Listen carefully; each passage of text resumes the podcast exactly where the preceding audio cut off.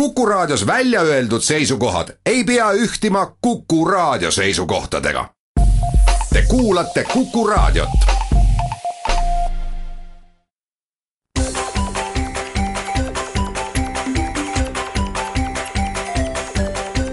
maksumaksja.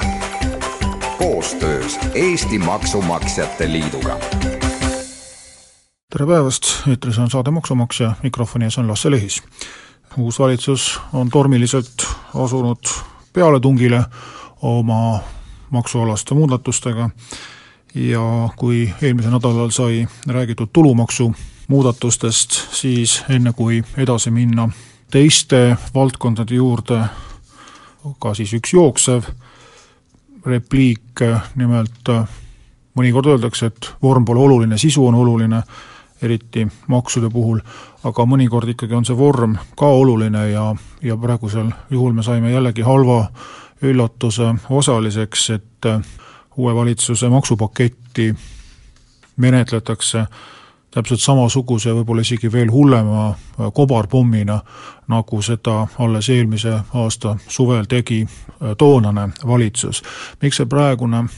pomm veel hullem on, sellepärast et eelmine kord vähemalt menetleti seda kobarpaketti ikkagi algusest lõpuni seaduseelnõuna nagu oma, oma nime ja oma märgi all, siis nüüd, kuna on eriti kiire, siis selleks, et kokku hoida siis aega kõikvõimalike opositsiooni muudatusettepanekute ja vaheaegade pealt, siis tehti selline trikk, mida võib-olla poliitikahuvilised mäletavad sellise märksõna all nagu soolise võrdõiguslikkuse seadus, mille lõppu poogiti Tallinna valimisi puudutavaid muudatusi, siis äh, midagi sarnast on toimumas ka nüüd, nimelt siis äh, oli äh, peaaegu Kodusadamasse purjetamas üks päris tore seaduseelnõu numbriga kolmsada kaks, mille sisuks oli siis spordi ja ja tervishoiukulude maksuvabastus, väga meeldiv uudis, tööandjad on väga pikka aega oodanud, et selline maksuvabastus antakse, lühidalt siis äh, ühe töötaja kohta sada eurot kvartalis saaks alates aastast kaks tuhat kaheksateist äh, tööandjad siis äh, maksuvabalt teha kulutusi sporditegevusele, samuti mõningaid terviseedenduse või ravikulusid. Ja sellele eelnõule nagu kord ja kohus esitati ja mitmesuguseid muudatusettepanekuid Riigikogu liikmete poolt, erialaorganisatsioonide poolt, seal küll tõsteti, kes pakkus seal saja euro asemel kakssada eurot, kes tegi ettepaneku, et see soodustus ei oleks tähtajaline, nagu ta oli planeeritud, lisati juurde üksikuid raviteenuseid, nii nagu, nii nagu selle seaduse puhul peab olema. Ja siis reede õhtul lisas rahandusministeerium omalt poolt veel nelikümmend lehekülge väikseid muudatusi, mida esmaspäeval kell üksteist hakati hääletama. ja selles neljakümne leheküljelises paketis ongi siis enam-vähem kõik uue valitsuse maksualased kokkulepped, jah, seal on kolm asja, mis võib-olla oleks olnud mõistetavad, mis on kindlasti vaja selleks, et nad kehtima hakkaksid selle aasta sees ära hääletada Riigikogus ja et president ka välja kuulutaks ja Riigi Teataja ära avaldaks, on sotsiaalmaksumäära kolmkümmend kaks koma viis protsendi languse ärajätmine, kolmekümne kolme protsendi taastamine, samuti majutusteenuse neljateistkümneprotsendilise maksumäära ärajätmine. Ja kolmas, võib-olla väiksem asi on siis aktsiisitõusu edasilükkamine kuu aega, esimesest jaanuarilt esimesele veebruarile, noh, mis on pigem selline väike raamatupidamistrikk,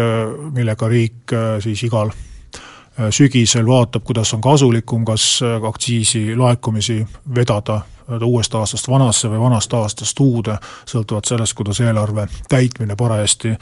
parajasti on. Aga millegipärast lisati sinna siis ka terve ports muid muudatusi, mille jõustumisajad on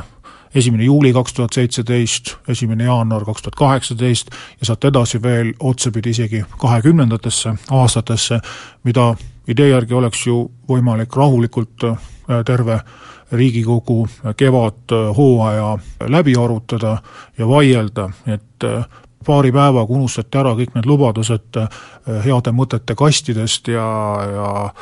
ja mis iganes spetsialistide kaasamisest ja nii edasi, et et vaevalt, et see spetsialistide kaasamine seda tähendab, et kahe tunni jooksul kõik järgmise nelja või viie aasta maksupoliitilised muudatused ära otsustatakse. ja mis siis selles paketis sisaldub lisaks nendele kolmele kiirele asjale, eelmisel nädalal räägitud teemat, siis äh, maksuvaba tulu tõstmine viiesajale eurole kuus ja sellega kaasnevalt siis kaotatakse ära abikaasade ühised tuludeklaratsioonid, kaotatakse ära pensioni maksuvaba tuluosa, kaotatakse ära tööõnnetuse ja kutsehaiguse kindlustuse maksuvaba tuluosa, kuna need kattuvad, eeldatavasti jäävad siis selle viiesaja euro sisse ja leitakse, et neid eraldi täiendavaid maksuvabastusi pole vaja, seoses sellega siis terve rida tulumaksuseaduse sätteid tunnistatakse kehtetuks, hoiuse intresside maksuvabastus kaotatakse ära, eluasemelaenu intresside mahaarvamine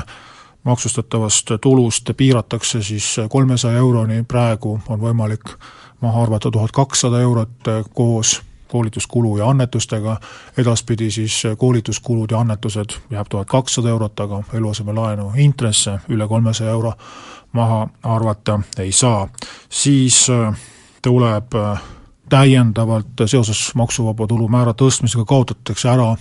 kahe tuhande seitsmeteistkümnendal aastal toimuv kahe tuhande seitsmeteistkümnendal aastal siis viimast korda toimub, esimest ja viimast korda siis madalapalgaliste tulumaksu tagastus, see seadus tunnistatakse kehtetuks, lastetoetuste osas tehakse muudatusi, ka perehüvitiste seadus on sellesse paketti topitud, siis äh, tuure koguv teema automaksust, äh, mida küll hellitavalt nimetatakse riigilõivuks, ehk siis riigilõivuseaduse muudatusi mitu lehekülge, siis terve ports äh, muudatusi aktsiiside osas, esiteks siis alkoholi osas, nagu, nagu siis on teatatud, jäävad kõik need järsud tõusud, mis juba eelmise valitsuse poolt paika pandi ja mida praeguse valitsuse juhtiv jõud tookord väga innukalt kritiseeris, see kõik jääb jõusse ja lisaks siis õlle- ja veiniaktsiisi tõstetakse veel rohkem. nii et kõik see jutt, mis puudutab Läti vahet käimist ja sellise põrandaaluste õlleladude tekkimist, see kõik tuleb lihtsalt kahe ja kolmega läbi korrutada. väikeõlletootjate maksusoodustust seoses sellega suurendatakse, eks suurendatakse seda kogust, milleni, millise tootmismahu puhul me räägime väikeõlletootjast, maagaasi aktsiisi tõstetakse, seda tegelikult jupikaup on siin viimastel aastatel tõstetud, aga kuna maagaasi hind on maailmaturul langenud, siis tarbija hinnatõusu ei ole näinud nüüd need äh, hüppelised tõusud, mis tulevad siis äh, järgmistel aastatel otsa, ilmselt äh, tarbijale enam märkamatuks ei jää ja seda enam, et ka nafta hind on praegu tõusule pööranud ja nafta hinnaga koos liigub ka gaasi hind. et siin on tööstused juba muret avaldanud, et kodutarbija jaoks võib-olla see hinnatõus on, on ehk seeditav, aga kui kui meil on Leeduga võrreldes kuusteist korda kõrgem maagaasi aktsiis, siis ükski normaalne ettevõtja ei hakka Eestisse mingisuguseid mahukaid tootmisettevõtteid püsti panema.